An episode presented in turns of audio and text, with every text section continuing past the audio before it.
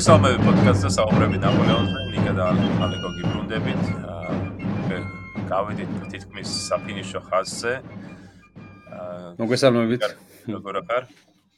აა ვაღნიშნავ ჩვენ ნაპოლეონის გარდაცვალების 200 წლის თავს და ამავე დროს ჩვენი პოდკასტის მეხუთე წელიწადია და ფაქტიურად უახლოვდებით პირველ საფინიშო ხაზს, ასე რომ ვთქვათ. ნაპოლეონის გარდაცვალებას 5 მაისს მაგრამ იმედი გვაქვს არ არ გავჩერდებით ამაზე, არა ნიკა? აა ხო, არა, რატომ უნდა გავჩერდეთ? არც არც ისე ცოტა სალაბარო დარჩენილი რა. აა ვერე, სათი თავი ჩამოყო, ჩამოუყვეთ ყველა მნიშვნელოვან პირო პიროვნებას რა. იტან ზოგი დასასრულებელიც გვაქვს ასე თუ ისე თუნდაც უელინგტონი და ასე შემდეგ სხვაებიც იქნება. ხო, ტალერანის დაგვეჩაგრა. ასე რომ პირველ 5 მაისი კი არის მნიშვნელოვანი თარიღი ასე ჩვენთვის მაგრამ რა თქმა გავაგრძელებ მას შემდეგაც მით უმეტეს როგორც ნიკამ თქვა პერი გვაქვს ასაუბრო. დღეს რა დასაუბრო ა დღეს ჩვენ გავაგრძელოთ 1815 წლის ბელგიის კამპანია ნაპოლეონის. ეს არის მისი უკანასკნელი ესეთი სამხედრო კამპანია რომელიც ნაპოლეონმა თვითონ ჩაატარა თავისი ა მეტაურობით ჩვენ დავიწყეთ წინა პოდკასტში ვისაუბრეთ ნაპოლეონის შეჭრაზე ბელგიაში, ანუ ის შედის ბელგიაში იმისთვის, რომ დაამარცხოს მოკავშირეთა ორი არმია, ერთი ინგლისელთა და ნიდერლანდების გაერთიანებული ჯარი, რომელსაც მეთაურობს ველინგტონის ჰერცოგი სერ ართურ უელსლი და მეორე ჯარი, რომელსაც პრუსიული корпуსებისგან შედგება და მას მეთაურობს გებჰარდ ფონ ბლუხერი, პრუსიელი ფელდმარშალი. ნაპოლეონის გეგმა, როგორც ახსენეთ, მდგომარეობდა შემდეგში, რომ ის აპირებდა დაეკავებინა ცენტრალური პოზიცია, როგორც საერთოდ მისი ტაქტიკა ამას გულისხმობდა და თან მას სურდა რომ ცაცაკე გაენადგურებინა ეს ორი არმია ისე რომ ერთმანეთ თან თქო დახმარა ერთმანეთი არ დახმარებოდნენ ეს არმიები. ამისთვის მან ამოირჩია პირველ სამიზნეთ ბლიუხერი, რომელთანაც უფრო ახლოს იდგა ნაპოლეონი პოზიციურად და შეუტია მას ლინისთან და ამავე დროს გადაწყვიტა რომ კატრბრასთან დამატებითი ძალებით გაეჩერებინა ველინგტონის ძალები, იქ მეორე ბრძოლაც პარალელურად მიმდინარეობდა, რომლის ძირითადი მიზანი ამ შემთხვევაში იყო ის, რომ არ დაეშვა პრუსიელებისა და ინგლისელების კონტაქტი ერთმანეთთან. ნუ იქ მარშალი ნეი აჩერებს ინგლისელებს, მეორე მხარეს ნაპოლეონი ამარცხებს პრუსიელებს ლინისთან. ნეი რეალურად ხა დიდ წარმატებას კატრასთან მიაღწევს, თუმცა სტრატეგიულად რეალურად ალბათ მაინც შეგვიძლია ვთქვათ, რომ მათ მოახერხეს, რომ ინგლისელები დაეყოვნებინათ, გაეჩერებინათ კატბრასთან, თუმცა აქ ერთი საბედისწერო მომენტიც იყო, როდესაც როგორც ნეი ისე ნაპოლეონმა მოისურვეს დერლონის корпуსი ჩაერთოთ სამხედრო მოქმედებებში და ამით ეს корпуსი რომელიც პრო საჭირო იყო ლინისთანათა პრუსიელები ბოლომდე გაენადგურებინათ, ვერ მივიდა დანიშნულების ადგილზე და ამან გამოიწვია ის რომ ბლიუხერმა მიუხედავად იმისა რომ სასტიკა დამარცხდა და დაახლოებით 15000-მდე კაცი დაეკარგა აბრძოლაში დაჭრილებისა და ხოცილების სახით, მოახერხა შემდეგ გადაწყობა არმიისა და მოსვლა ვატერლოოს ველზე, რამაც გადამწყვეტი როლი შეასრულა ალბათ 1915 წლის კამპანიაში. აა ჩვენ და ვისაუბრეთ ლინის შედეგებზე, კატბრანზე და ახლა უკვე ნაპოლეონის წინ დარჩენილი არის ჰერცოგი ველინგტონი თავისი არმიით, რომელიც შედგება ჰოლანდიურ, ბელგიურ და ინგლისური ნაწილებისაგან და ნაპოლეონის გეგმა არის, რომ გაანადგუროს ახლა ველინგტონი და თანაც ამავე დროს გააკონტროლოს პრუსიელი, უკან დახეული პრუსიელების სვლელობა, რისთვისაც მან გამოყო მარშალი გრუშის 33000-იანი корпуსი და გაგზავნა ის, რათა პრუსიელებისათვის ხელი შეეშალა, რომ ისინი არ თქვა და არ ჩართულიყვნენ ბრძოლაში და არ შეეშალათ ხელი ველინგტონის დამარცხებაში. აა საინტერესო არის ის, რომ როცა ჰერცოგი ველინგტონმა დაიწყო უკან დახევა და მიუახლოვდა იმ პოზიციებს, სადაც აპირებდა ბრძოლის გამართვას, აქ შეუძლია გავიხსენოთ ის, რომ მე მაშინ როცა ველინგტონის ბიოგრაფიაზე ვსაუბრობდით, ახსენეთ, რომ ახალგაზრდობაში, ან ბავშვობაში უბრალოდ ველინგტონი ამ ადგილებში ნამყოფი იყო. აა გარკვეული პერიოდის განმავლობაში ცხოვრობდა ის ბრიუსელში, ბელგიაში და ვატერლოსაც კარგად იცნობდა როგორც ვიცით და მისთვის რაღაც ახალი არ იყო მაინც და მაინც ეს ლანდშაფტი და ეს სივრცე, სადაც ამ შემთხვევაში ბრძოლა უნდა გამართულიყო.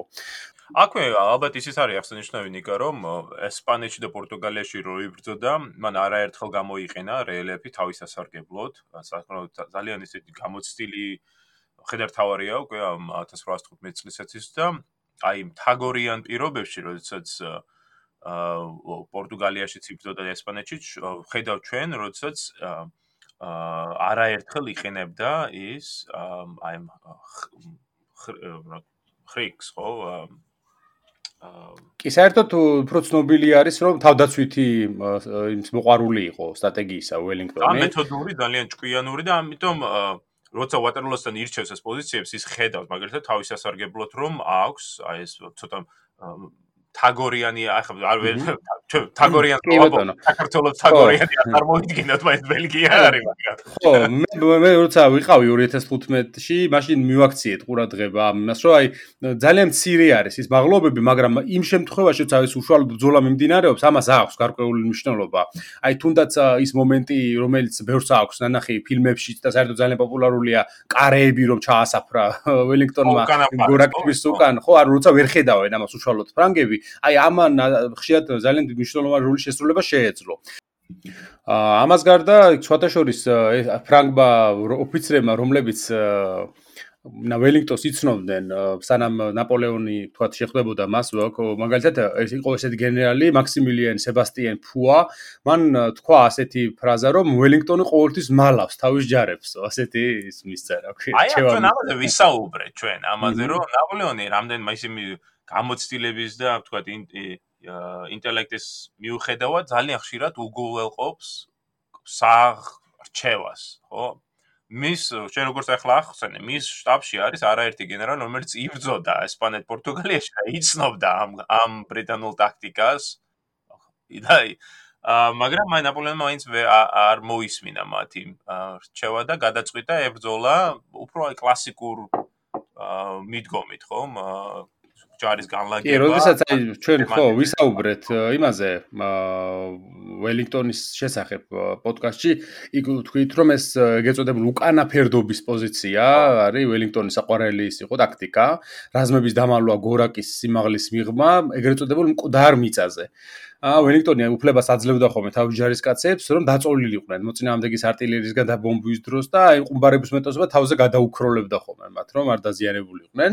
ესე მოწინააღმდეგის მიახლოებისას დამალული რაზმების მოულოდნელი წამოდგომა და ბრძოლაში ჩართვა ფრანგებისთვის შემდეგ უკვე დამანგრეველი ეფექტი ჰქონდა ნახევარკუნძულის ომის ბევრ ბრძოლაში, რომელზეც თავის ძოზე წამოეგნენ მარშალი ნეი მაგალითად, თუნდაც სხვა ფრანგი ოფიცრები, რომლებიც იქ იბრძოდნენ და შემდეგ უკვე ამ შემთხვევაში აა ვატერლოს ბრძოლაშიც მოხდა ასეთი რამ. აა ასევე უნდა ითქვას, რომ ვატერლო აღსანიშნავია იმითაც, აი ნაპოლეონის სტრატეგია ამ ადგილზე საერთოდ, რომ ძალიან დიდი წვიმა მოვიდა და ამ წვიმამ გარკვეულწილად შეცვალა ფრანგების გეგმებიც, იმიტომ რომ ნაპოლეონს ახლა როცა უფრო ადრესურდა თუნდაც ბრძოლის დაწყება, მოუწია ლოდინი, იმიტომ რომ მიწა იყო ატალახებული 18 ივნის წვიმის მეორე დღეს. თანაც ახლა ვინც თქვა ყოფილა ბელგიაში და ეს როგორი ლანდშაფტია, ეს არის ძალიან წებოვანი და ესეთი ტალახია, ანუ ძალიან ძნელია მასზე, თქვა ნაწვიმარ, მასე ასეთი გადაადგილება საერთოდ უმეტეს ზარბაზნების წაწევა რა. ამ მაგ ტვიმის როლი აბსოლუტურად მართალი ხარ, ძალიან დიდი როლი ითამაშა ამ როგორც ამ კამპანიის, ასე ამ ბრძოლის შემთხვევაში, მაგრამ აი ეს მე ვფიქრობ, რომ აი საარა ერთხელ გვინახავს ციგნებშიც და რომ აი ნაპოლეონმა გადადო დაწყება ბრძოლის, რათა ნიადაგი გამშრალიყო. ეს ცოტა მე მე პირადად მითი მითად მიმაჩნია და სხვა ჩემს მე კოლეგებსაც. ეხლა რატო? ყველას ყველა ნაცვიმარის შემდეგ 2, 3, 4 საათს მნიშვნელობა მართლა არ აქვს იმისათვის, რომ აი შე როგორც აღნიშნე ესეთ ხო, მნიშვნელოვნად რომ გამშრალიყო, ხო? ხო, გამშრალიყო, ხო? ანუ პრობლემა ის კი არისო, რომ იწვიმა და და ვთქვა რიკოშეტს ვერ გამოიყენებდნენ, ხო, რას артиლერიო დაბომბვის დროს. არამედ ის იყო, რომ აა 17-18 ივნისი საღამოს ამ ღამეს, როდესაც ფრანგებმა დაიკავეს პოზიცია, ფრანგული ჯარი ჯერ არ იყო კონცენტრირებული. ანუ ნაპოლეონს ჭირდებოდა დილა 18 ივნისის დილა, რომ დაის რამოდენიმე კილომეტრით გაჭიმული ჯარი რო ერთად მოეყარა თავი ამ ბელალიანსთან. ასე რომ მოდი ამას თავიდანვე დავიწყოთ ამ მითების გაბათილება და ეს საუბარი იმაზე რომ აი артиლერიის გამო და მიწა არ იყო შრალი ეს ეს აბსურდია. თანაც ამხელა არმიის ესე კონცენტრირება და უშუალოდ ბრძოლაში პოზიციურად ჩართვა დრომ დროს მოითხოვდა და ეხა ერთი თქვა წინა დღეს რომ მივიდნენ საღამოს და მეორე დილით უკვე გამზადებული არმიით უცებ ბრძოლაში ჩართვა რა თქმა უნდა ყველა ვერეჩი რთული იქნებოდა ამას ჭირდებოდა გარკვეული მომზადება წინასწარი ისე ახსენ აღსანიშნავია მართლაც რომ ველინგტონი შემდეგ აღნიშნავდა ამ ბრძოლაზე რომ ისინი მოვიდნენ ძველი წესით და ჩვენ ისინი დავამარცხეთ ძველი წესით ანუ ეს ნიშნავს რომ მოხდა ბრძოლა, რომელიც აი კლასიკური, ყველაზე კლასიკური იმით წარიმართა სცენარი შეიძლება ითქვას, აი რაღაცა სიახლეს, იმ თვალსაზრისით ტაქტიკურ სიახლეს, რაღაცა არ ქონია ადგილი ამ ბრძოლაში. აა ხშირად სხვათა შორის ადარებენ მე მაგალითად როცა ნაპოლეონის კონგრესზე მოვისმინე ერთ-ერთზე, ალონ კლებანოვის მოხსენება ზუსტად ამაზე. ისინი მოვიდნენ ძველი წესით და ჩვენ უპასუხეთ ძველი წესით აღნიშნა და ველინგტონი და იქ შორის სხვა მაგალითებიც განხილვაზეც მივიდა საქმე, მაგალითად მე წამოვაყენე ბორო ბოროდინოს ბრძოლა ამ შემთხვევაში, იმიტომ რომ იქაც ასეთი პოზიციური ისმენდის, იმიტომ რომ იქ ნაპოლეონმა მარშალ დაუს უთხრა რომ თქვენ ყველაფერს გინდა რომ შემოუაროთ, როცა დაუს უნდა და შემოვლითი მანევრის გაკეთება და აქაც დაახლოებით თქოს ესეთი რაღაც ხდება, რომ მანევრის რაღაც ისეთი მცდელობა ამ ბრძოლაში რომ თქვა ზრუგში გასვლა ან რაღაც ფაქტობრივად არ ყოფილა. მიდიოდა პოზიციური ბრძოლა, რომელშიც ნაპოლეონს იმედი ჰქონდა რომ ინგლისელებს დაჯაბრნიდნენ და დაამარცხებდნენ მანამდე, სანამ თქვა გრუში უზრუნველყოფდა პრუსიელების თქვა გაანეიტრალებდა რომ ისინი არ მოსულიყვნენ ბრძოლის ველზე. აა მე მგონი ეგ უნდა აღვნიშნო ჩვენ რომ ორივე მხარე იმედოვნებოდა აი ამ დამხმარე ძალის მოსვლას, ხო? ნაპოლეონს იმედი ჰქონდა რომ გრუში შეაკავებდა ამ დამხმარე ძალას და თუ თუ გაიგებდა თქვა აი ამ ქვემეხების ხმას ხო ეს ეს დაუწერელი წესი იყო ფრანგულ ჯარში, ქვემეხების ხმაზე წასულიყო დახმარებოდი ჯარს. და რა თქმა უნდა ველინგტონს შეთანხმება ჰქონდა ხო ბლუჰერთან რომ ერთმანეთს დაეხმარებოდნენ ასე რომ ამ ხრივ ნიშნულოვანი არის ის ფაქტი რომ პრუსიელებმა შეძლეს მოსვლა ხოლო გრუში ვერ შეძლო თუმცა ჩვენ ამაზე ვისაუბრებთ რომ ის ცნობილი მითი რომ გრუში ხო მარცხს ჭამდა თლა და შეესაბამებას. მაგლეს შე რა რომ მარცხს რომ ეჭამა ხა მაგას დიდი ის არ ქონდა ამ შემთხვევაში იქ იმიტომ რომ გადაწყვეტილი არ ქონდა მას რომ თქვა მოსულიყო ბზოლის ველზე და. 18 ივნისის დილა არის და პოზიციურად რომ გადავხედოთ ახლა ჩვენ რუკას და სხვა შორის ჩვენს Facebook გვერდზე განმათავსებთ ძალიან საინტერესო ესეთი ხელით ნახა თითქოს ხელი დახატული არის, მაგრამ უფრო მე-19 საუკუნის დასაწყისში თითქმის მატერლოდან რამდენი წლის შემდეგ რუკა გამოიცა და ძალიან ეს ლამაზი რუკა არის, იმას გამათავსებ ჩვენ Facebook-ზე, ასე რომ გექნება საშუალება იხილოთ.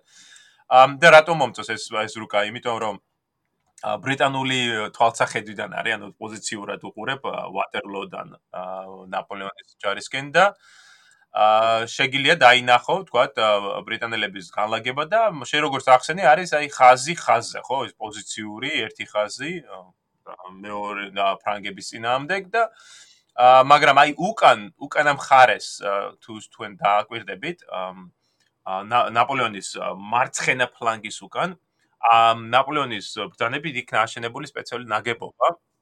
მაღალი ესეთი კოშკი, ხო, რომლის თავი თავზე ნაპოლეონი იდგა ა ნაპოლეონის ობსერვატორიას უძახოდნენ მას და იქიდან თვალსადევნებდა ბრიტანელების განლაგებას, მაგრამ აი ამ კოშკურიდან მაინც ვერ ვერ გაიაზრა ის უკანა ფერდობის პოზიცია. და ახლა ნაპოლეონის გეგმა რა არის ამ ამ ბრძოლაში ნიკა? აა ანუ ძირითადად ნაპოლეონ ჯერ თვითონ ველინგტონის მან როგორც თქო ველინგტონის ერცოგმა თავისი არმიის განლაგების შემდეგ შესაძლოა აღსანიშნავია რომ თვითონ ძალიან თავდაჯერებული იყო ველინგტონი საერთოდ. ახასიათებდა მას ანუ როცა მის ბიოგრაფიაზეც ვისაუბრეთ მაშინ თქვით რომ ძალიან თავდაჯერებული სარდალი იყო ყოველთვის თავისი იმის ჯეროდა. რომ წარმატებას მიაღწევდა ამ შემთხვევაში. აქ თუმცა თავის ჯარს საკმაოდ უარყოფითად ახასიათებს აქ იმიტომ რომ ამბობდა რომ ეს არის არეული ჯარი სუსტი და თუდად შეიარაღებული და გამოუცდელი შტაბითო. რადგან ეს არ იყო მთლიანად ინგლისური არმია, იყო აქ მოკავშირეებიც იყვნენ ეს ეგრეთ წოდებული ჰოლანდიურ-ბელგიური ნაწილები, ამიტომაც გარკვეული პრობლემები ჰქონდა ველინგტონს ამ თვალსაზრისით ალბათ მაინც. ხო, აი 78000 კაცი ყავს დაახლოებით, ხო, ველინგტონს და აქედან თითქმის მე-13 17000 არის ჰოლანდიელი ჯარისკაცები. კი, ორანელი, პრინცი ორანელის სარდლობით. დიახ, მე ყავს კიდე 11000 ჰანოვერელი ჯარისკაცი, ვინაიდან ბრიტანეთის სამეფო დინასტია ჰანოვერიდან იყო. აა 6000 ბრუნზვიკი, ბრუნზვიკის სახით ბრაუნშვაიგი, ხო? ხო, ბრაუნშვაიგის, ან ბრუნსვიკს უძახიან ინგლისურად. კი, ინგლისურად ხო. 3000 ნასაუდან და ასევე ჩვენ მე მგონი ვისაუბრეთ ჩვენ ამაზე, უბრალოდ ახსენე შენ არაერთხელ იყო მეფის გერმანული ლეგიონი. მეფის გერმანული ლეგიონი. ისიც დაახლოებით 6000 კაცი ხოს აქ.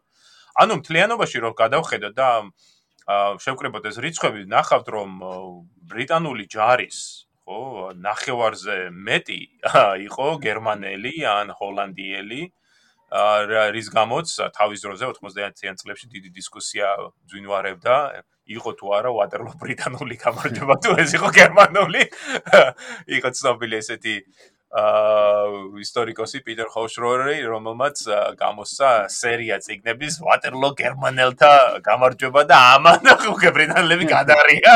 რა ის გერმანელთა იყო დიდი დავით არავა. აა მაგრამ შენ როგორც ახსენე, აი ეს ფაქტი, რომ არის სხვადასხვა აა ქვედანაყოფი არაბრიტანული, რომლებსაც არ ქონდა გამოცდილება ველინგტონის სარლების ქვეშ ყოფნისა და იგივე შეეხება ველინგტონსაც, რა თქმა უნდა, როლი ითამაშა და ერთ-ერთი მიზეზია რატო არის ველინგტონი ესე ხელჩაქნეული. თუმცა როგორც ნახავთ, საკმაოდ კარგად გაართვეს თავი. კი, ნამდვილად. აა თან ველინგტონს მე ვიტყვი მოხდა უბრალოდ თავის პოზიციების დაცვა არა მხოლოდ აი გორაკების გამოყენება, არამედ გამოიყენა ის ადგილობრივი შენობები, რაც აქ იყო ამ ტერიტორიაზე. მათ შორის იყო უგომონი არის ყველაზე მნიშვნელოვანი, უგომონის ფერმა, რომელიც დღემდე კარგად არის შემორჩენილი და ვინც ვატერლოოს ველზე მოხდება, შეუძლია დაათვალიეროს, პატარა მუზეუმადაც კია გაკეთებული, ისე მოწყობილი.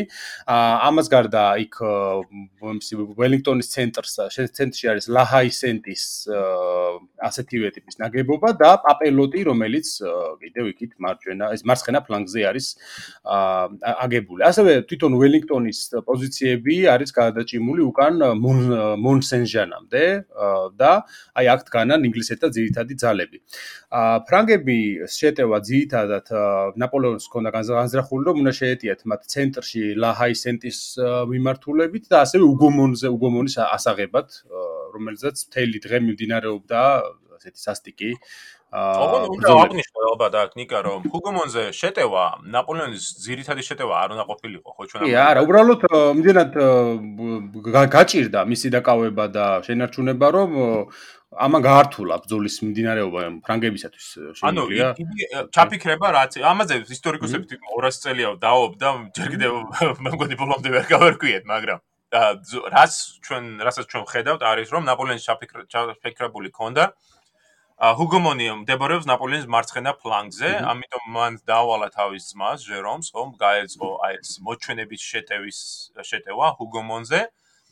რათა აეძულებინა ველინგტონს ჩაერთო რეზერვები, ხო? ამ გადაესროლა რეზერვები ამ ჰუგომონის დასაცავად, ანუ მარჯვენა ბრიტანელთა მარჯვენა ფლანგზე.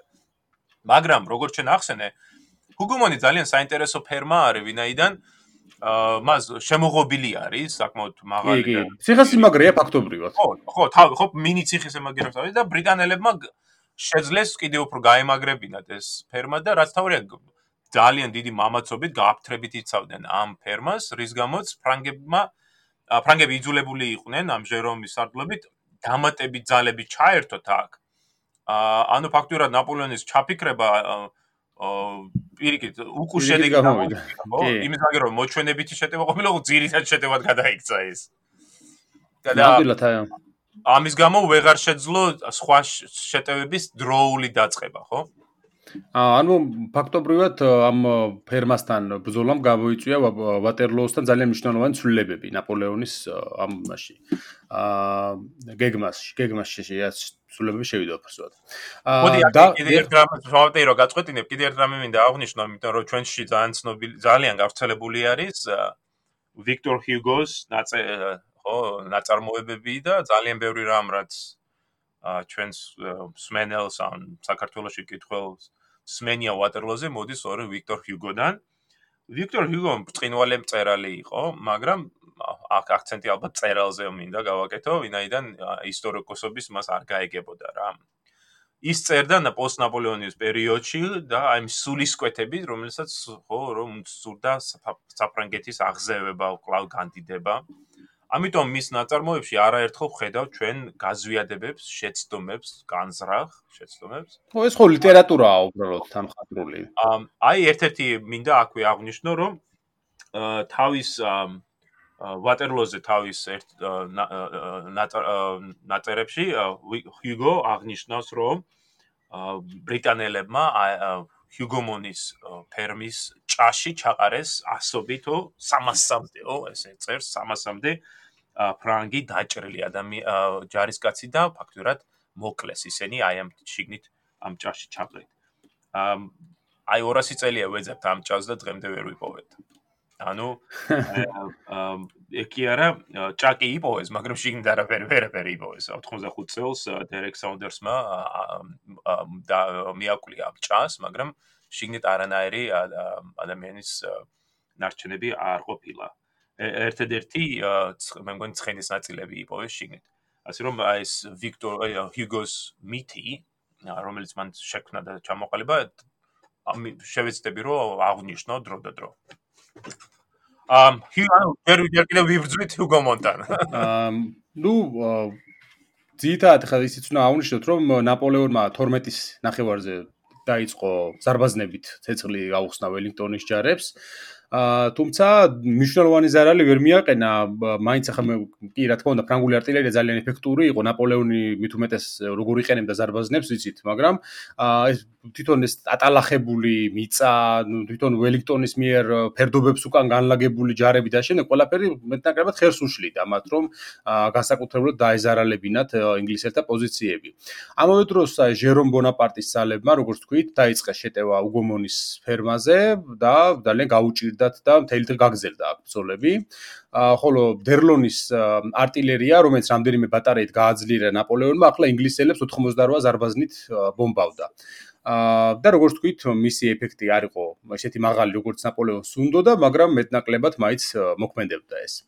აა დაახლოებით ორის ნახევარზე ფრანკთა მთავარი შეტევა დაიწყო და სხვადასხვა ამავე დროს იმპერატორს მოუყვანეს პრუსიელი ტყვე, რომლის საშუალებითაც შეიტყო, რომ 30000-იანი პრუსიული კორპუსი ბიულოვის მეტაურობით ველინგტონის დასახმარებლად მოიწევდა, რის გამოც იმპერატორმა ლობოს უბძანა მარჯვენა ფლანგის გამაგრება პრუსიელების მოსაგერიებლად.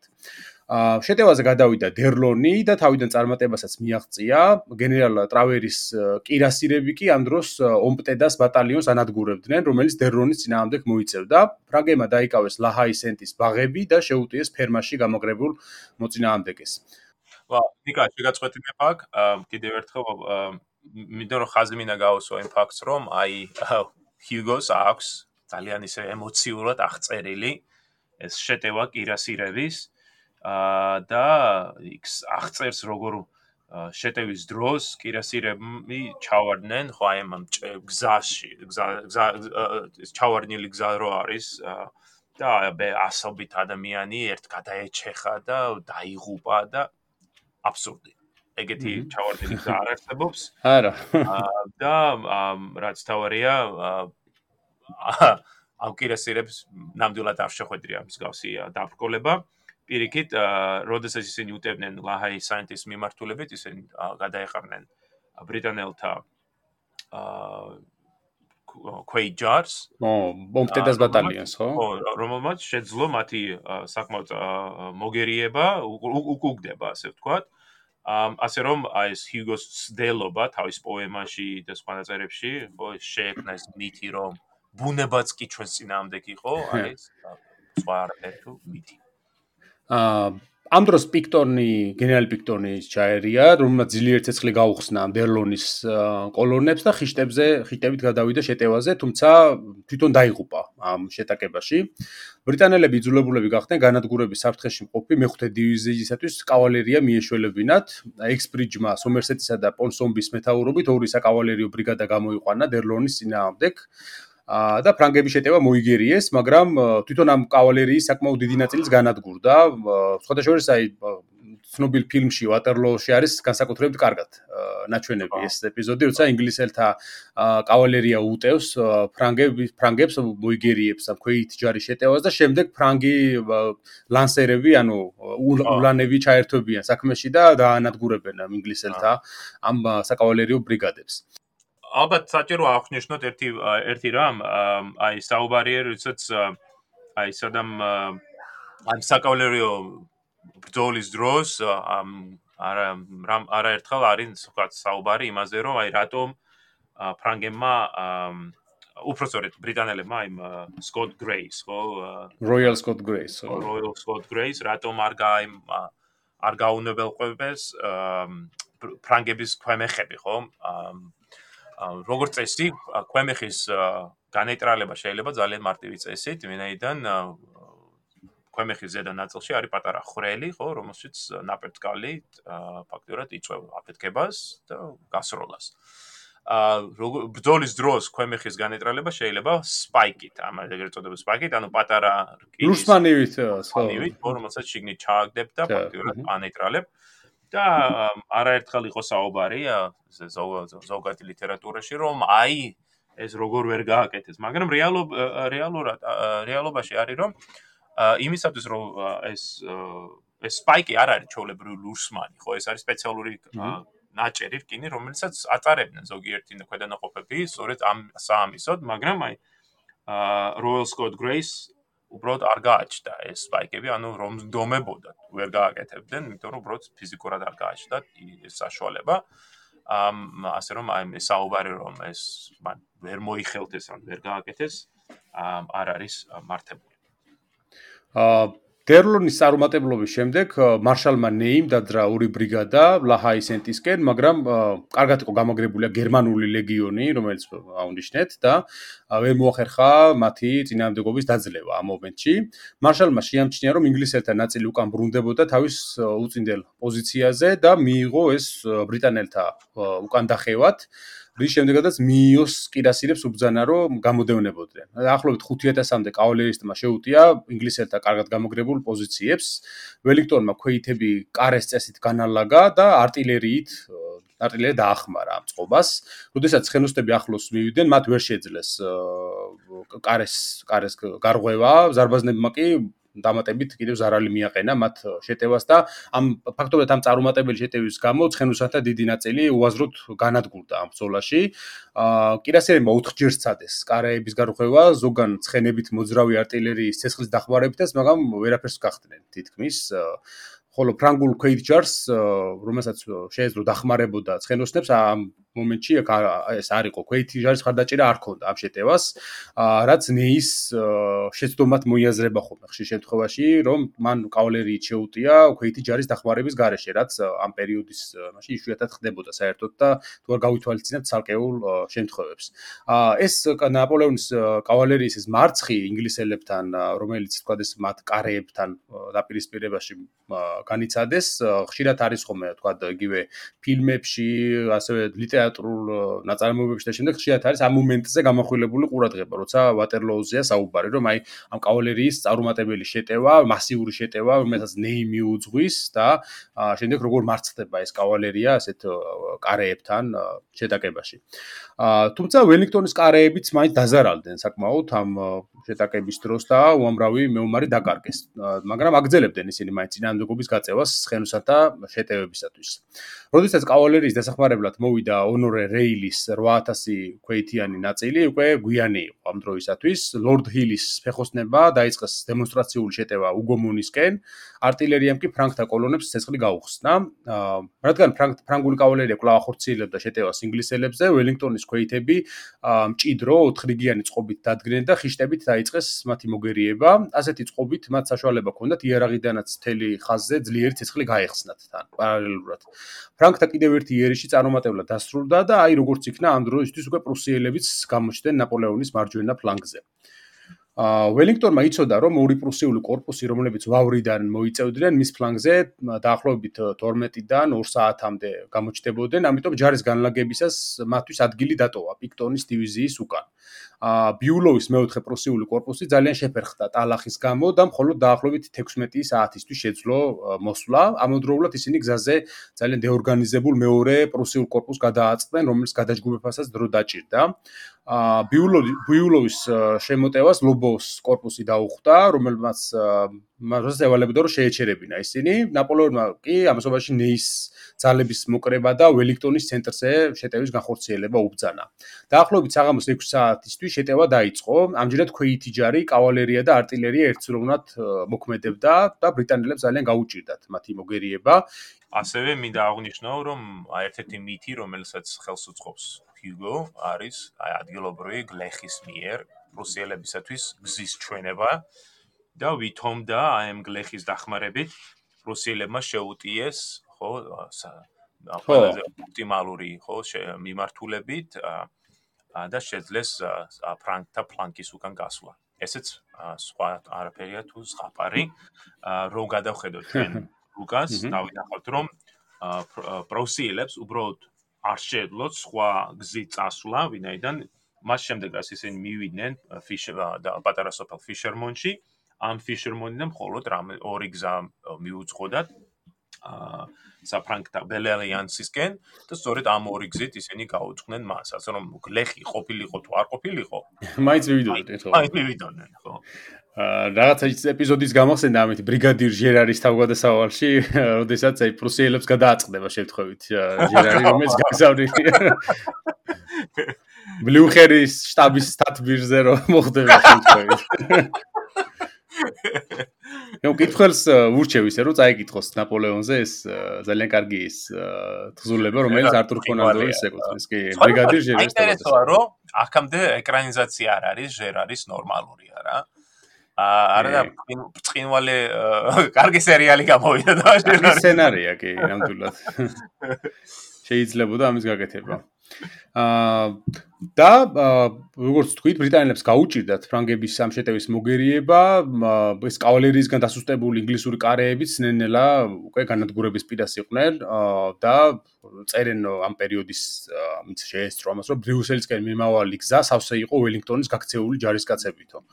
ინგლისელ სარდალს ანუ სხვა არანაირი არჩევანი აღარ ქონდა, იმისა გარდა რომ გაეგზელებინა ეს თავდაცვა ამ პოზიციებზე, როდესაც დაიღუპა სხვა შორის გენერალი ომპტე და სერ უილიამ დელენსი რომელიც ველინგტონის מחლობლად იდგა, საციკტილოდ მოხვდა მტრის ნასროლი ყუმბარა, როგორც აი თავის დროზე ნაპოლეონის გვერდით ბესიერი დაიღუპა და ახლობით ისეთი ბედი მოუწია ამ გენერალსაც და ასევე მძიმე დაიჭრა პრინცი ორანელი, გენერალი ალტენი, ალექსანდრე გორდონი, ანუ საკმაოდ ინგლისელები ძალიან გაჭირობით აკავებენ ამ დროს უკვე ფრანგების შემოტევას და ნეიმად საბოლოოდ გამოდევნა ლაჰაისენტის დამცველები, რომელთაც საბძოლო მასალა გაუთავდათ და დაიკავა მათი პოზიციები. შემდეგ მან განალაგა აქ ზარბაზნები და 300 მეტრის რადიუსში ცეცხლი გაუხსნა ველინგტონს. აქ მინდა ერთი რამე აღნიშნო, რომ აი ბრიტანელთა დანაკარგებზე რადგან საუბრობ, აი ლაჰაისენტში ერთ-ერთი განლაგებული იყო ლამბერტის ბრიგადა, რომლის შემადგენლობაში იყო 27 ინსკილინგების ქვედანაყოფი პოლკი და აი ლაჰაისენჩი 698 კაციდან რომელიც იყო ამ ამ ქვედანაყოფში 478 ანუ 68% დაიღუპა ან ძიმედ დაიჭრა.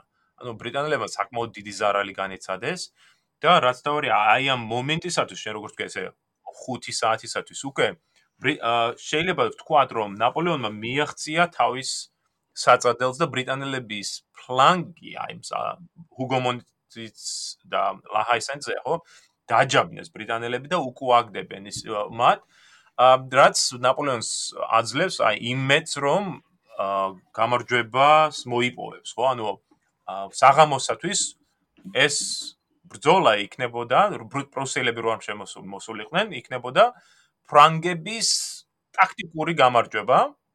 გადამწყვეტი არ იქნებოდა, მაგრამ გამარჯვება ტაქტიკური, ვენაიდან ისინი უკუაგდებდნენ ამ უელინგტონს თავის პოზიციებიდან და ალბათ ჩვენ დავარქმევდით მას ბელალიანსის ბრძოლას, ხო? მაგრამ აი საღამო ხან ნაპოლეონი ხედავს პრუსიელთა გამოჩენას, ხო?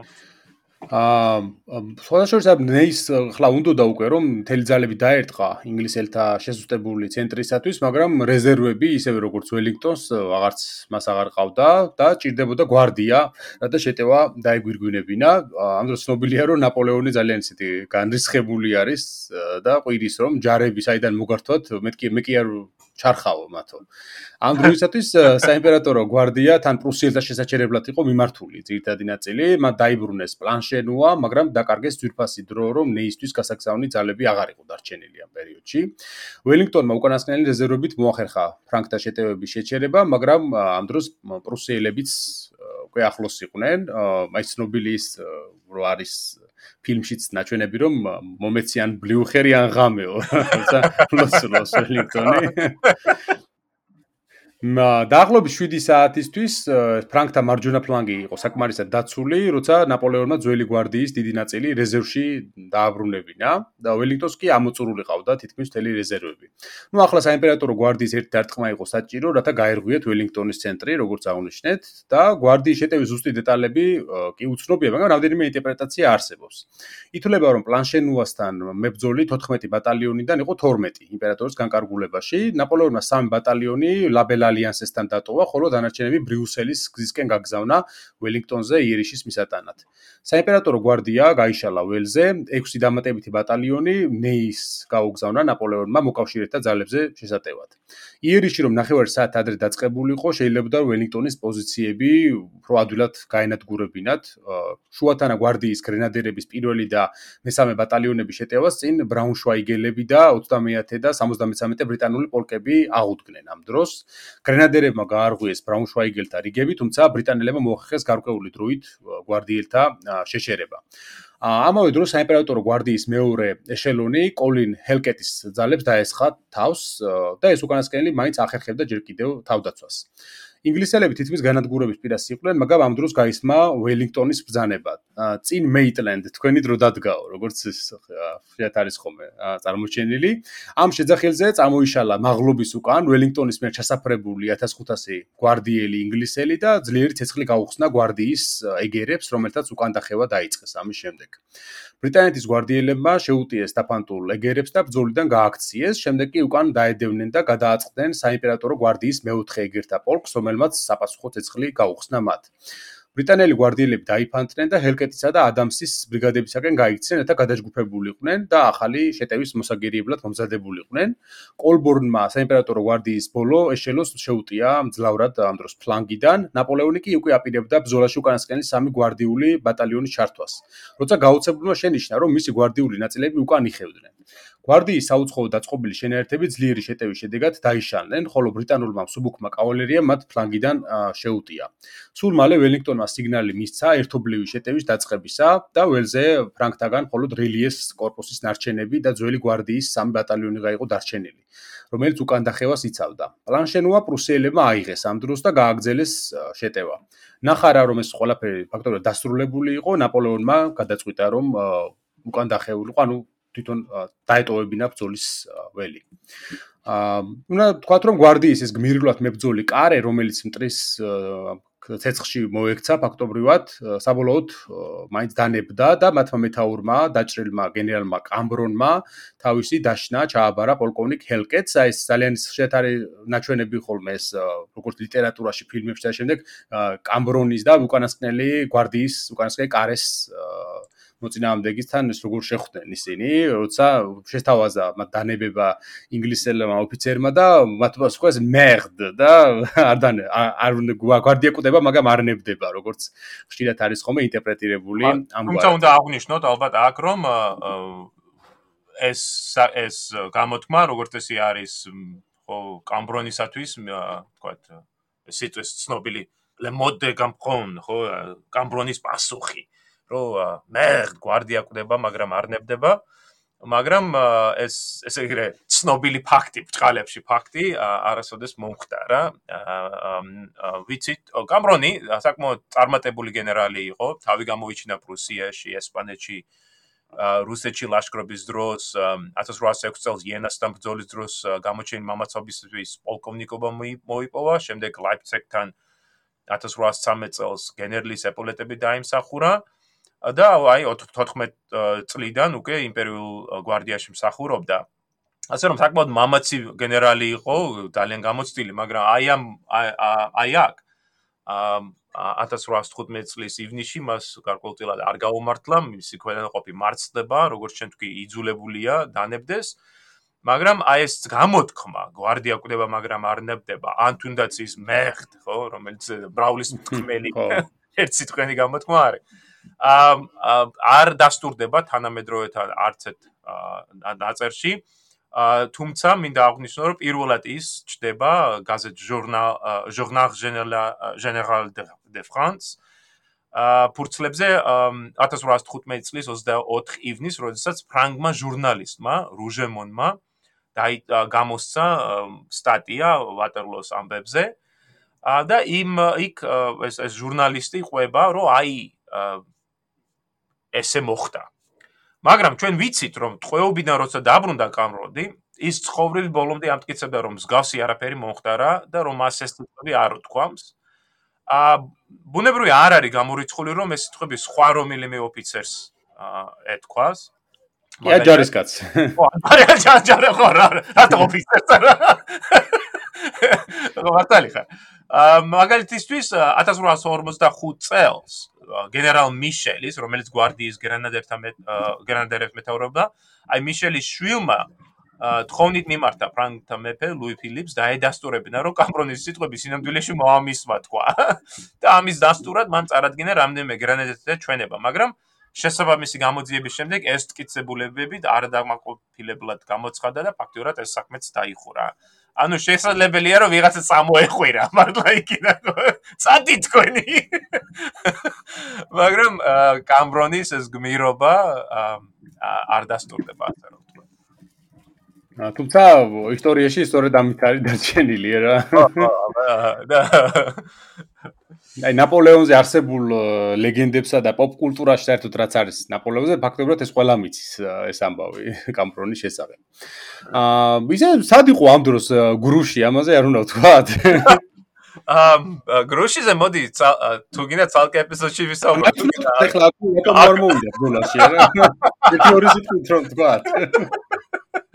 სად იყო 30000 კაცი რო წაიყვანა იქ და დადიოდა.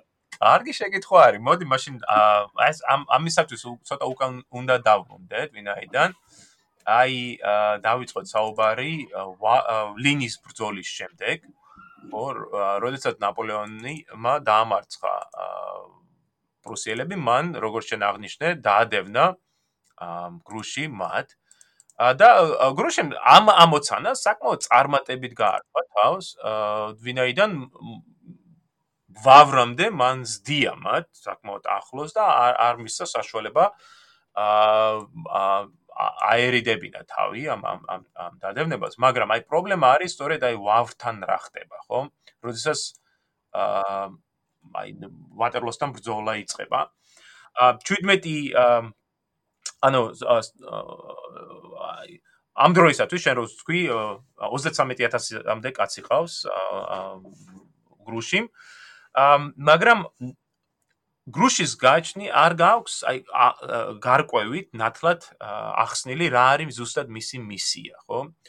აა როგორც ნახეთ ნაპოლეონმა კი დაადევნა მას მაგრამ აი ეს დადევნების შემდეგ გარდა კიდევ რა უნდა მოემოქმედებები და აა არ იყოს გარკვევით დაწერილი. მithumetes რომ აა აი 16 ინის საღამოს გრუშიმ იმპერატორისგან მიიღო ახალი ინსტრუქციები, რომელთა რომლებიც მას ავალებდნენ ამ დადევნებას, მაგრამ შემდეგ 17 ივნის გრუშიმ მიწერა ნაპოლეონს და სადა აი ამ ინსტრუქციების გარკვევა ზუსტად დეტალების რა უნდა მოემოქმედებინა, მაგრამ ნაპოლეონმა არ ვერ ან ვერ ან არ უპასუხა ყოველ შემთხვევაში გრუშის არ მიუღია ეს ინსტრუქციები. ამიტომ შუა უკვე 18 ივნის შუა დღეს ნაპოლეონმა დაიწყო ხო ეს ბრძოლა ვატერლოსთან, მაგრამ გრუში ჯერ კიდევ აი მის ინსტრუქციები ჯერ კიდევ აი ეს ზოგადი ინსტრუქციები გააჩნია მას და არ აქვს გარკვეული მის მისია რა არის. აა ის აგრძელეს პრუსიელთა დადევნებას და იმ 17-18 ივნის ღამედ როგორც აღნიშნეთ ამინდი შეიცვლება ძლიერმა წვიმებმა გზები ამ გაუვალტყლაპოებად აქცია, ამის გამო გრუში იძულებული გახდა მთელი ღამით შეეჩერებინა თავისი კორპუსი. და აი ამ დროისათვის მისმა კავალერიამ საბოლოოდ დაკარგა პრუსიელებთან კონტაქტ კავშირი, ხო? და ვერ გაიაზრა აი ვავრთან რა მიმართულებით იხევდნენ უკან პრუსიელები. ამიტომ 18 ივნის გამთენისას გრუში მიიღო ცნობა, რომ პრუსიელები ქალაქ ვავრისგან უკვე მიიღებდნენ აა აღმოსავლეთით. უბრალოდ დასავლეთ სამხრეთ-დასავლეთისკენ, რაც იქნებოდა ბელე აი ვატერლოოსკენ. ა მან სცადა ამ ამ ამ მოძრაობის შეჩერება, მაგრამ ვავთან პრუსიელებმა შეძლეს ხო მისი იერიშების მოგერიება. ამ აი სწორედ აი ამ მომენტი არის საუზმის შემდეგ გრუში, როცა მიუძღვება თავავრისკენ, რომ აი ამ ცნობილი სცენა, რომ ვითომ გრუში საუბესთან რაღაცა მიდის და ისმევს თავის მარწყვებს. აი ამ დროს მას უნდა ქონოდა საშუალება გაეგო ზარბაზნების ხმა, რომელიც ფრანგული ფრანგული артиლერია რო უშენდა ცეცხლს ბრიტანელებს. ეს იქნებოდა ვატერლოს და ხომ მიმდინარე ბრძოლა. აა და ვიცით ჩვენ რომ გენერალმა ჟერარმა, რომელიც მეოთხე корпуს მეთაურობდა და გრუშისთან ერთად იყო, ურჩია გრუშის, რომ შეეცვალა корпуსით მიმართულება და იმის მაგივრად რომ დადევნებულიყო პრუსიელების წასულიყო დაუყოვნებლივ აი ქვემები ქვემეხის ხმაზე. კი, ანუ როგორც როგორც მიღებული იყო ფრანგულ ჯარში, ხო? ხო, რა დაუწერილი ხო? მაგრამ გრუშიმ აი ამ აი ამ მომენტში უარი განაცხადა, რომელიმე ქვეყანაყოფის გაგზავნაზე, ვინაიდან აი აი აი ცოტა კენობა გამოიჩინა, ხო? და გრუშის აა გრუშის აზრით მისი ინსტრუქციები, რომელიც ხო ეს ბრძანება, რომელიც ნაპოლეონმა მისცა, იყო რომ დადევნებულიყო პრუსიელებს და აი ამიტომ იმის გამო რომ ნაპოლეონმა დამატებით ინსტრუქციები არ გაუგზავნა, მას არ აუხსნა ზუსტად რა იყო საჭირო. ა გრუშიმ არჩია ამ ძველი განკარგულებების, ამ ძველი ბრძანების შესრულება ზედმიწევნით. ა სწორედ აი თუ ჩვენ საუბარი არის გრუშის შეცდომაზე, შიმისი უდიდეს შეცდომა იყო აი ნაპოლეონის ბრძანების ზედმიწევნით შესრულება იმის მაგერად რომ ცოტა გამოეჩინა ინიციატივა და ემოქმედა ვითარების და მიხედვით. აი მის ადგილას რომ ყოფილიყო ალბათ ლანი, მასენა, დავუ, ხო აი ცოტა უფრო დამოუკიდებლად მოქმედი გენერალი. დარწმუნებული ვარ, ხო?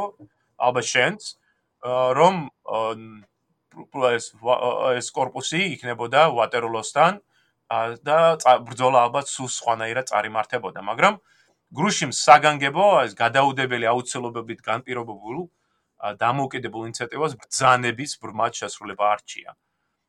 ამავე დროს, ხო, 20-მდე კილომეტრის მოშორებით ნაპოლეონი ახალ ბრძანებას კარნახობდა, რომელშიც იგი თანხდებოდა გრუშის მიერ, ხო, აი ვავრისკენ გალაშქრებაზე, მაგრამ ასევე სწხოვდა აი ამ ახალ ბრძანებაში ცალიყურით ჩვენი მემართულებით ყოფილიყო, ერთ-ერთი გამოთქმა არის მაიკ.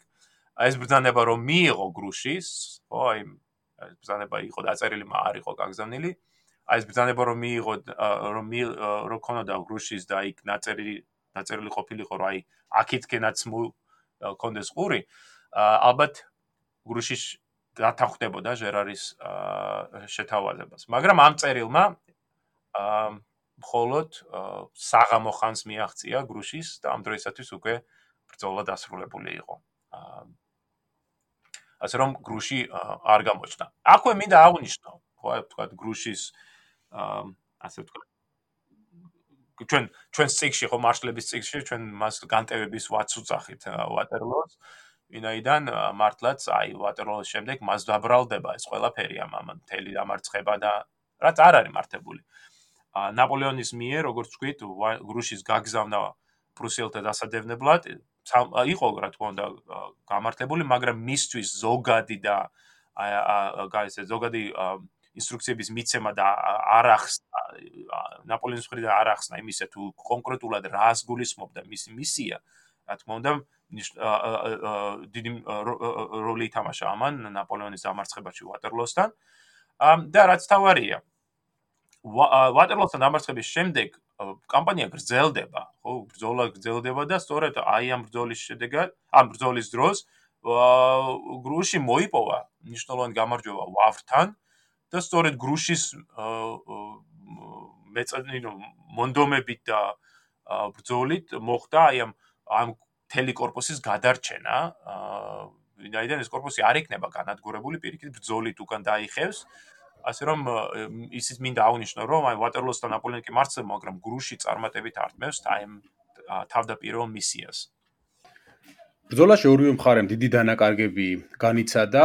ფრანგებმა დაკარგეს თითქმის 51000 კაცი, საიდანაც ნაწილი დაიღუპა, ნაწილი დაიჭრა, დაიფანტა, ან ტყვეთ ჩავარდა. ინგლისელებმა და პრუსელებმა საკმაოდ დიდი ზარალი ნახეს, რომ ინგლისელებმა განსაკუთრებით ამ შემთხვევაში, თუმცა პრუსელებმა მანამდე ისე დაზარალებულები იყვნენ ლინის სტამბზოლაში, მათ ძალიან დიდი ზარალი ჰქონდათ ნანახი.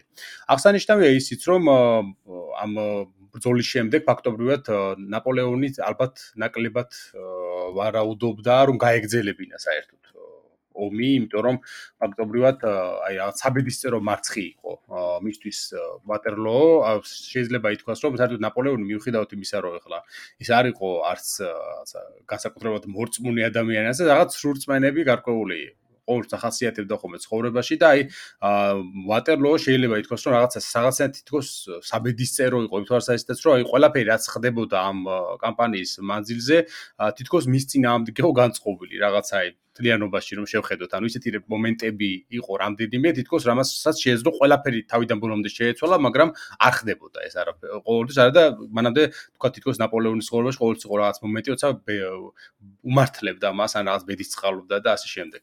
აა ფაქტობრივად ამ შედეგი ამ ვატერლოს მარცხით დასრულდა რეალურად საფრანგეთის პირველი იმპერია. კი, შემდეგ ვიცით რომ გადადგა ნაპოლეონი და შემდეგ რაც ვისაუბრებთ, მაგრამ ვატერლოს მარცხი მაინც მიიჩნევა ჯერ პირველი იმპერიის დასასრულად, ასევე მიიჩნევა ფრანგულ ინგლისური მეორე ასწლიანი ომის დასასრულადაც ხშირად მიიჩნევენ ხოლმე მას, იმიტომ რომ ეს ომი რომელიც ჯერ კიდევ დაიწყო მე-17 საუკუნეში ხანგრძლივად გრძელდებოდა და არ იყო ნაკლები პირველ ასწლიან ომზე ფრანგებისა და ინგლისელების ეს მეორე დაპირისპირება. ბარონი ჟომინი წერდა რომ ჩემი აზრით 4 მიზეზი არსებობს ვატერლოოსთან დამარცხებისაო, სხვადასხვა ავტორები კი წერენ, რომ ჟომენის აზრი საინტერესოა, იმიტომ რომ ჟომენი თვითონ პერიოდის მოღვაწეა და ერთ-ერთი დიდი სამხედრო ავტორია თავისი დროისა. ეს ამბობს, რომ ოთხი მიზეზი არსებობს ვატერლოოსთან დამარცხებისო. პირველი და ყველაზე მნიშვნელოვანი არის ბლიუხერის სწრაფი მოძრაობა და ბრძოლისველზე დროულად მისვლა, მეორე ბრიტანული ქვეითი ჯარის გამძლეობა და მათი მეთაურების სიუსისხლიანობა, მესამე საშინელი ამინდი და ატალახებული მიწა, რამაც ფრანგებს ხელი შეუშალა შეტევების განხორციელებასა და მათთვის ასე ძვირფასი დროის დაზოგვაში, მეოთხე კი უაზროდ განლაგებული მეოთხე კორპუსი, რომელიც ზედმეტად ღრმა წყობით იდგა პირველი დიდი შეტევის მიტანის დროსო აღნიშნდა ჟომინი. ნუ ამის შემდეგ ძალიან ბევრი ავტორი წერს ამ ბრძოლაზე ზოგ ზოგს რა რამიზეს ასახელებს ზოგი რას რომ თქვა იქ აღნიშნავენ გასპარ გურგოს ნაპოლეონის ადიუტანტს მიუთითებენ ხო პროფესორად მის სიტყვებს რომ თითქოს ნაპოლეონს უთქვამს რომ მე რომ სულ შემყოლოდა გრუშის მაგივრად არ დამარცხდებოდი ვატერლოოსთანო და კიდევ ასევე ბრძოლაში დავმარცხდით რადგან გრუში არ მოვიდა.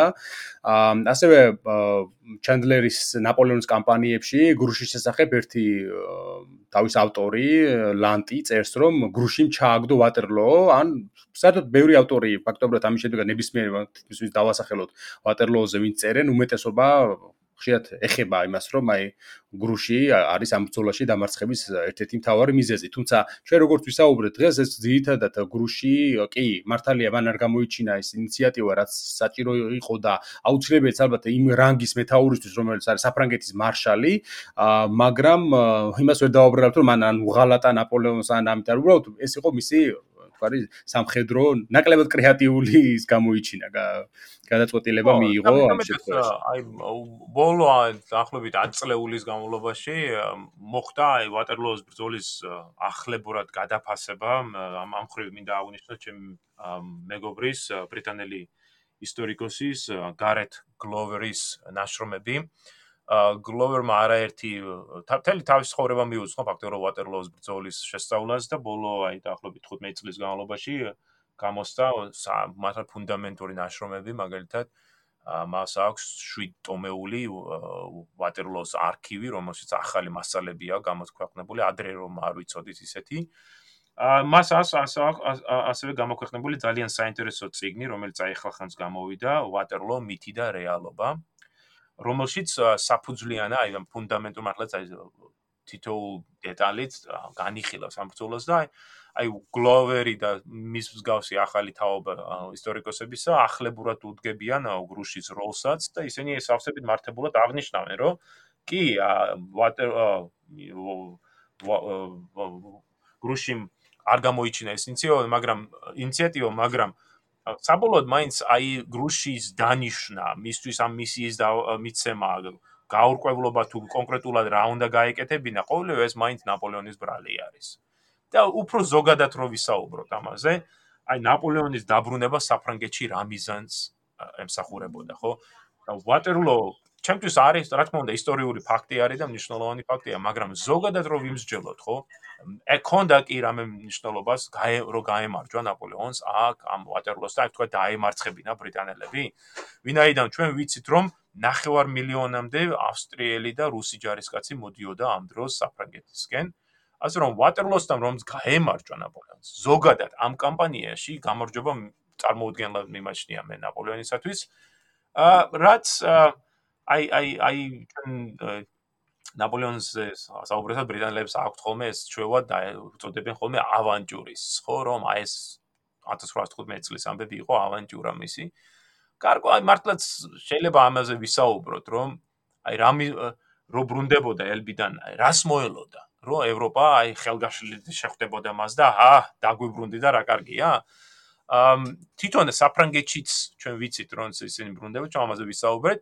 საფრანგეთის დიდი უკმაყოფილება არის მისი დაბრუნებით, არაერთ რეგიონში გამოსვლები არის მის თანამდებობა და თვითონ იმ სოფლებში, რომელშიც ნაპოლეონმა გაიარა, მას ესმოდა ეს კრიტიკული შეძახილებები, რომ აი რატო დაბრუნდი, ჩვენ შენ ჩვენთვის ომიანობას გულისხმობ.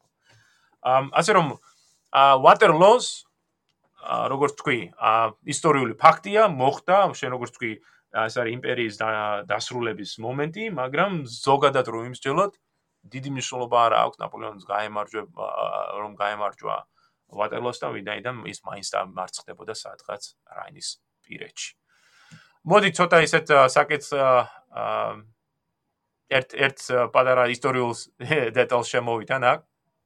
ვატერლოს ბრძოლის შემდეგ, როგორც სხვა ბრძოლების დროსაც, როცა დაღამდა, ხო აი წარმოვიდგინე ათასობით ადამიანის გვამი ყრია ამ ბრძოლა ამ ბრძოლის ველს. დაახლოებით 5 კილომეტრის სიგანის არის ეს ბრძოლის ველი, არც ისე დიდია და იმის გათვალისწინებით, რომ ა ფრანგებმა დაკარგეს დაახლოებით ჩვენ როგორც თქვი 40000-მდე დაჭრილი ხო დაღუპული და მე მგონი 29000-მდე დაჭრილი არის მხოლოდ და დაარჩენი დრეები. აა და ბრიტანელებმაც ხო 20000-ის 20000-ზე მეტი დაჭრილ დაღუპული ასე ათასობით გვამიყრია, რა თქმა უნდა, იმ ღამეს გამოჩნდნენ ხალხ, გამოჩნდა ხალხი, რომელიც ამ ამ გვამებს ძარცვავდა, ხო? მარადიორები და აი ამ ხრივ ვატერლო ცნობილი გახდა ვინაიდან ბრძოლის შემდეგ იმ ღამით არაერთ გვამს ამოაცალეს კბილები. ხო ეს და ეს გახდა ეს ცნობილი ვატერლოოს კბილების ფენომენი. რა რატო არის საინტერესო? რომ მე-19 საუკუნის დასაწყისში სტომატოლოგია ჯერ კიდევ არ იყო ესე განვითარებული. და რა თქმა უნდა პირის ღრუს ჯანმრთელობასთან დაკავშირებული პრობლემები გავრცელებული იყო ყველა სოციალურ წრეს რა თქმა უნდა ქონდა ა ამის ერთ-ერთი საუკეთესო მაგალითია თქვა ამერიკის პირველი პრეზიდენტის ჯორ ვაშინგტონის ცუდი კბილები და პროტეზი ხო რომელიც ის ატარებდა 30 წლისთვის მას თითქმის ყველა კბილი დაკარგული ჰქონდა და ამიტომ იძულებული იყო აეტარებინა სპეციალური პროტეზი, რომელიც სხვა შორის შემორჩენილია და მუზეუმშია გამოფენილი ახლა. მაგრამ პრობლემა რა არის, რომ აა პროტეზის გასაკეთებლად საჭიროდებოდა კარგი პროტეზი, ხო? იყო ან ხისგან, ან იყო სპილოძვლისგან, ან იყო რკინისგან. აა და ეს რა თქმა უნდა ვის რა ფული ქონდა და რა შესაძლებლობა, მაგრამ ერთ-ერთი საუკეთესო იყო რომ ქონოდა პროტეზი ნამდვილი ადამიანის კბილებისგან. აა მაგრამ აი ყოველთვის იყო შოვნის პრობლემა და აი ბრძოლა, ბრძოლები ამის კარგ საშუალებას იძლეოდნენ მით უმეტეს აი ვატერლო. აა და მართლაც ადამიანის კბილებზე დიდი მოთხოვნის არსებობის გამო აი ვატერლოში, ვატერლომ დააკმაყოფილა აი ეს მოთხოვნა და ბრძოლის შემდეგ უკვე ჩდება ეგრეთ წოდებული გამოთქმა Waterloo-ს კბილები. აა სხვა შორის ჟურნალ გაზეთებშიც არის ხოლმე გამო აა ესეთი რეკლამები. აა და იმდენი კბილი იქნა ამოღებული ამ საწდავი დაღუპული ჯარისკებისგან რომ ხდება აი აა კბილების ამ პროტეზების გაუფასურება მომდენო რამდენიმე წლის განმავლობაში. ასე რომ ამ ამ ხრევადაც ვატერლომ დიდი როლი ითამაშა. მოდი აქ შევჩერდეთ ჩვენ და აი პოსტ ნაპოლე პოსტ ვატერლო სულ ვატერლოს შემდეგ პერიოდზე რა დაემართება ნაპოლეონს ვისაუბროთ შემდეგ პოდკასტზე. მომავალ შეხვედრამდე.